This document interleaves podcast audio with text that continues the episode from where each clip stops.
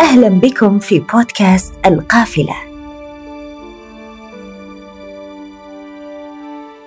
أحس إني أتقنت المهارة إذا قدرت أمارسها بدون ما أحتاج مساعدة أحد. أشوف إني إذا بديت أشرح لأحد ثاني أو أعلمه عن هذه المهارة هنا أحس إني أنا متقنة. لما تسوي المهارة عشر آلاف مرة. إذا صرت أسويها لا إرادي. ممكن إذا الناس قالت لي أنت كويس بهالشيء أنت أتقنت هالشيء مدحت لي مدحت شغلي بهالشيء أنا هنا ممكن أقول إني اتقنت هالشيء لو جزء بسيط. متى اعرف اني اتقنت مهارة معينة مثلا إذا شاركت في مسابقات دولية ولا محلية وأخذت جائزة عليها. في نظري إني أشوف إذا سويت المهارة أكثر من أربع إلى خمس مرات بالطريقة الصحيحه أشوف نفسي إني أتقنت المهارة هذه.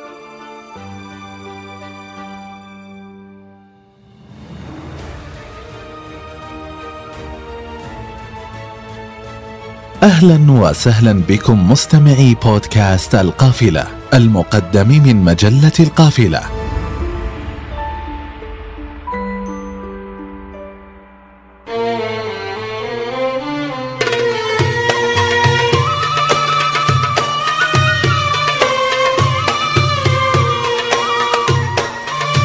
ما القاسم المشترك بين أغنية الأطلال لأم كلثوم؟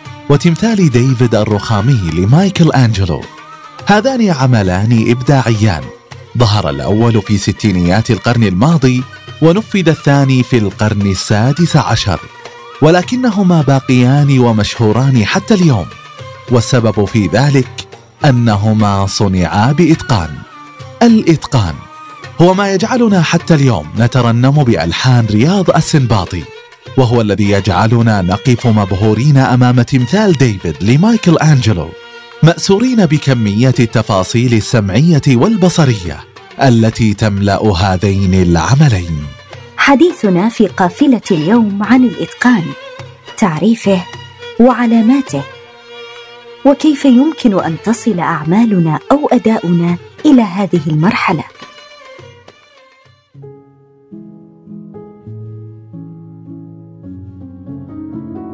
أتقن العمل أي أحكمه وأجاده وضبطه.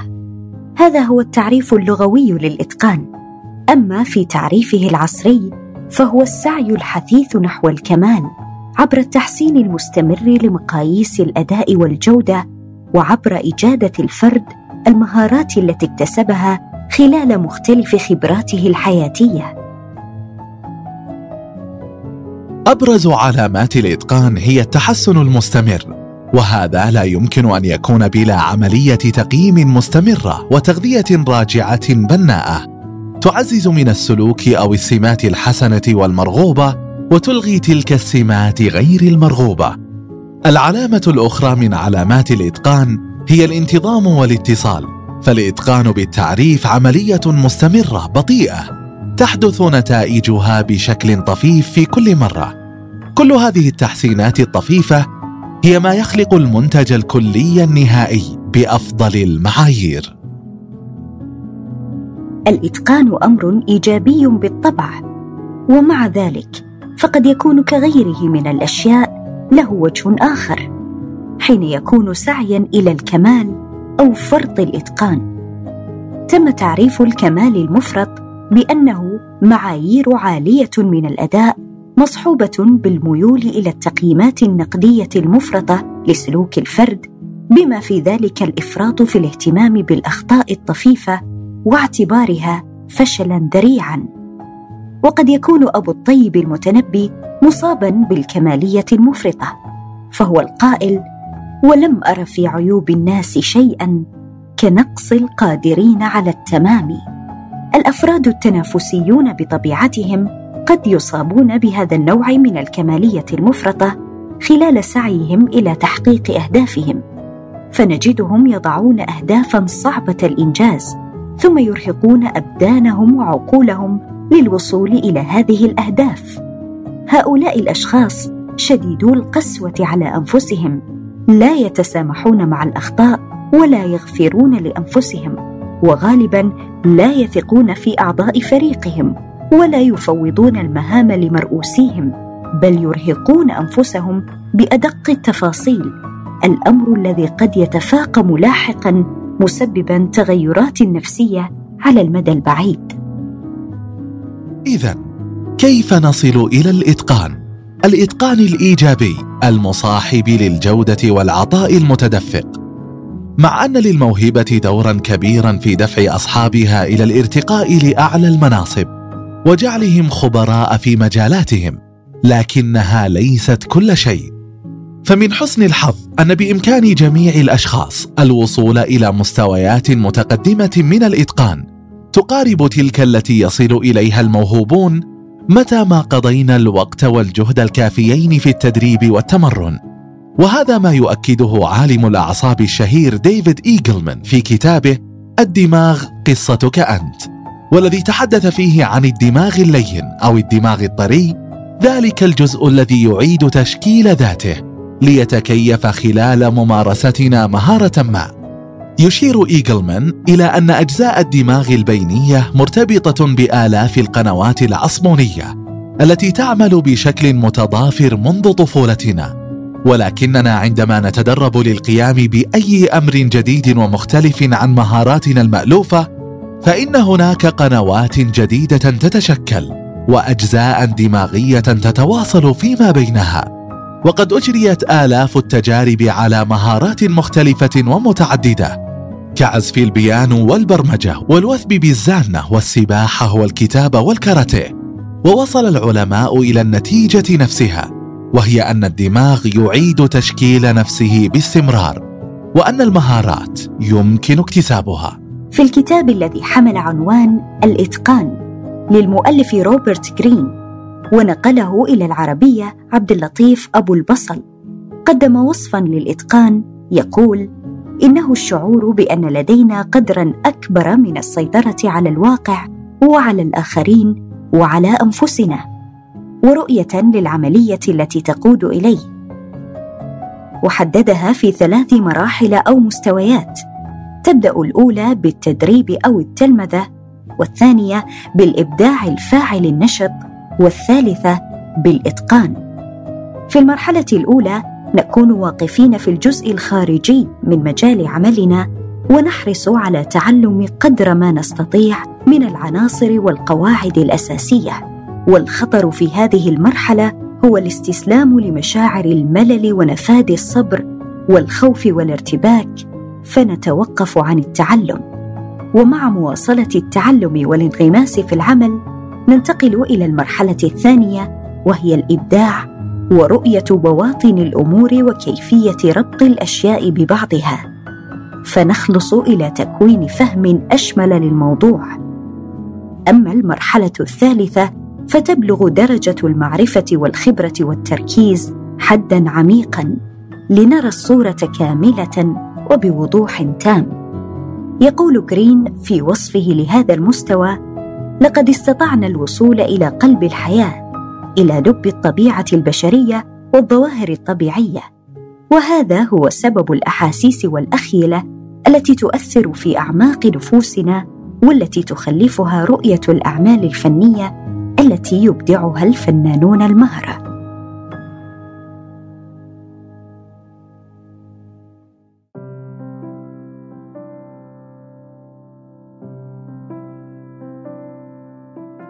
الإتقان. كلمة السر وراء علو الشأن في أي مجال. فكيف يؤثر الإتقان فينا؟ وكيف نجعله جزءا من حياتنا؟ هذا ما سنتحدث عنه مع ضيفة حلقتنا الأستاذة روزانا البنوي الريادية والمتخصصة في التدريب المهني. بالنسبة لعلامات الإتقان فهنا أنا بقدم كل ما عندي آه، من مصادر من موارد من معرفة من مهارات أسخرها في إنهاء المهمة أو إتمام العمل على أكمل وجه. وهنا يجي دور آه، طلب المساعدة وإننا نستشير شخص آخر فمن علامات الإتقان إنه أنا أيضا أبحث عن الشخص أو المصادر اللي أحتاجها حتى المهمة هذه آه، تكون يعني تمام و وبالمعايير اللي أنا أعرفها من خبراتي ومن نشأتي وكمان آه، حسب المعايير اللي في المجال اللي أنا فيه أو في الموضوع اللي أنا قاعدة آه، أشتغل فيه. طيب بالنسبة لفخ الكمال حسب دراسات دكتورة برينيه براون الفرق بين السعي للتميز أو لإتقان العمل مقابله السعي للمثالية أو للكمالية. سعي للإتقان منبعه أو أصله حافز داخلي إني أنا أقدم الشيء حسب قيمي الشخصية ومعاييري اللي أنا تربيت عليها ونشأت عليها. أما الكمال أو النزعة للكمال فمبنية على حافز خارجي اللي هو إيش حيقولوا الناس؟ في الأولى اللي هو آه، السعي للإتقان وللتميز بيكون التركيز على التعلم بيكون التركيز أنه أنا دائما في عملية آه، مستمرة في التعلم في التطور في النمو. فطبيعي إني أنا مثلا لما أول مرة أمارس الكوتشنج مو زي بعد عشر سنوات خبرة. وهنا الإتقان أنسب تطور أو النجاح للأدوات اللي أنا بمارسها والسلوكيات اللي آه، بتبعها أما في النزعة للمثالية أو السعي للمثالية فهنا بننسب النجاح للشخص أو لذات الشخص. وهذه بتبعدنا عن آه، عقلية النمو وعقلية التعلم. لأنه أنا لما أنسب الصفة للشخص فمعناها آه، هو يعني يا أبيض يا أسود يا يعرف يا يعني يعرف مثلا في الرياضيات أو ما يعرف. أما في موضوع السعي للإتقان فهنا بنتبنى عقلية النمو وبالتالي نسمح ويكون في مجال أكبر إنه دائما إحنا في عملية تعلم مستمرة. الإتقان آه، شيء نولد به وأيضا مكتسب لأنه إحنا سبحان الله فطرتنا السليمة تحتاج إنه تجمل الأشياء آه، فهذا الشيء الحمد لله نبني عليه مع ال مع ال مع تربية الأبناء أو نبني عليه حتى في إحنا في, في مع مع ذواتنا. وكمان أشوف من حولي مين الناس اللي آه، أتعلم منهم عملية الإتقان كيف هم بيمارسوا هذا الشيء بيوصلوا له. فمهم إنه إحنا ندرك آه، ك يعني ما شاء الله إحنا نسبة الأطفال في السعودية ما أفتكر آخر إحصائية بس أتوقع كان 25% أظن أصغر من 16 سنة. فإحنا يعني محاطين بالنشء الجديد وبالجيل الجديد وبيتعلموا مننا. بيتعلموا مننا في العمل بيتعلموا مننا في إدارة أسرنا في حياتنا الشخصية. وإحنا كده يعني كلنا بن بندعم آه، ثقافة الإتقان والتميز والسعي لهذه الأشياء بدلا من السعي للكمالية وللبرفكشنزم اللي هي في الآخر يعني ما بتفيد لا الأفراد ولا بتفيد المجتمعات.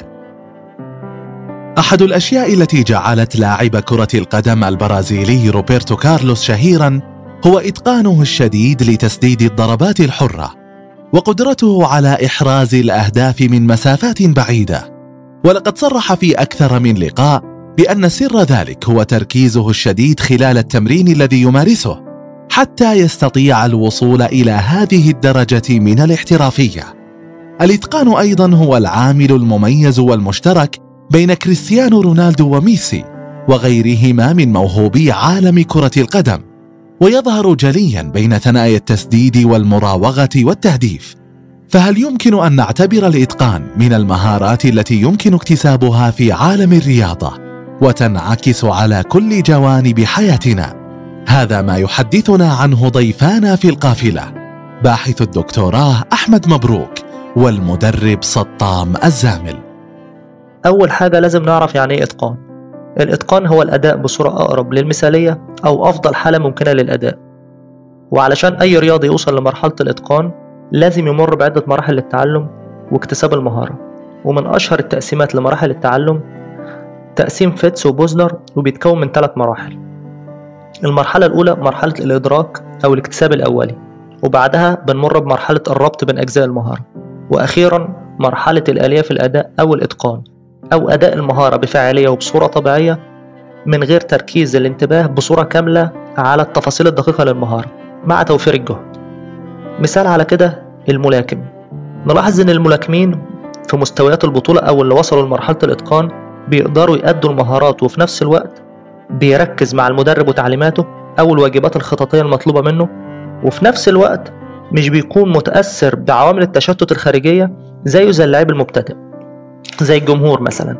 وعلشان أي رياضي يصل لمستوى الإتقان أو يكون بطل لازم يتمرن لمدة تصل لآلاف الساعات. ومن أشهر المنهجيات قاعدة العشر تلاف ساعة. ودي بدأت في الظهور مع نظرية الباحث أندرس إريكسون لما قام بمتابعة بعض الطلاب في أكثر من مجال فلاحظ أنهم احتاجوا لما يقارب من 10000 ساعة من العمل والتدريب ليصلوا للإتقان.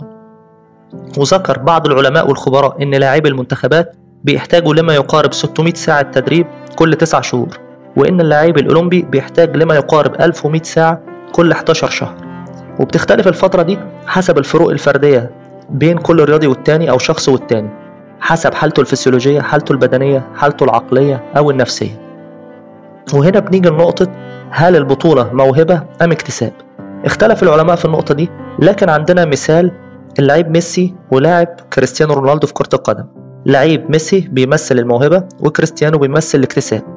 والاتنين وصلوا للإتقان وأعلى مستوى للبطولة. ومن هنا نقدر نحدد إن أي شخص تتوفر فيه المواصفات المناسبة للرياضة يقدر يكون بطل بالجد والاجتهاد. لكن موهبة بدون تعب بدون مجهود بدون تضحية عمره ما هيكون بطل. ومن هنا نقدر نوضح إن الوصول للإتقان لتحقيق أي بطولة يبدأ من مرحلة الانتقاء أو من مرحلة الطفولة.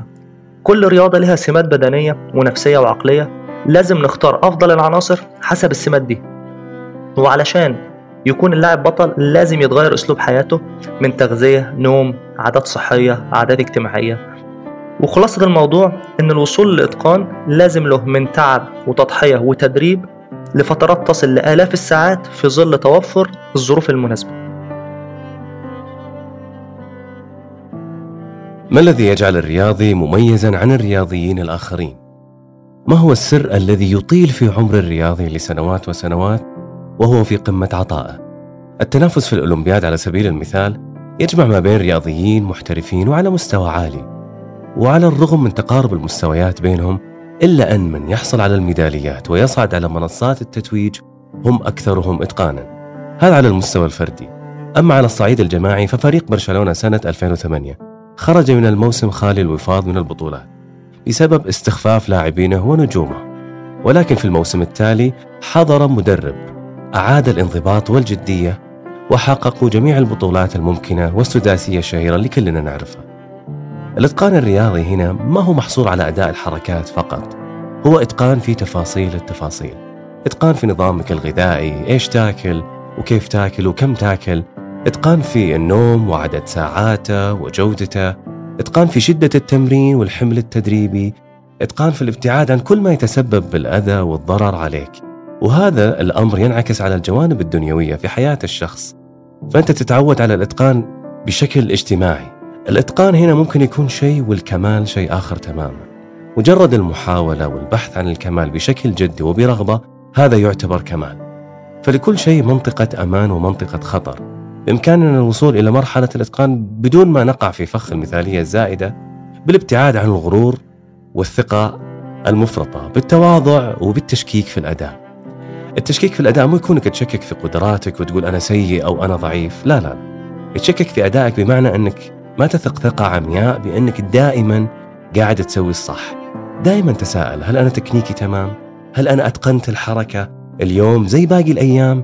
هل يا ترى التمرين هذا المفروض يكون بهالشكل؟ لا أنا لازم أكلم مدربي الآن أنا لازم أصور نفسي وأشوف نفسي هذا اللي نسميه التواضع في الرياضة وهي المنطقة الآمنة في الإتقان واللي راح تبعدك عن خطر المثالية الزائدة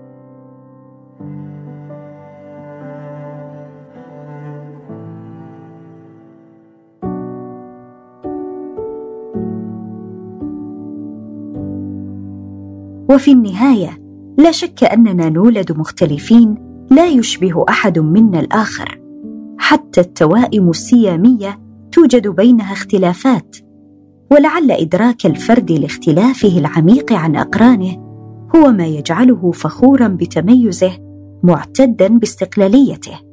الأمر الذي يجعل الإتقان سمة شخصية تحدد من نحن. فعندما نجيد شيئا ما ونبرع فيه فنحن نبعث رسالة إلى الآخرين نخبرهم فيها من نحن.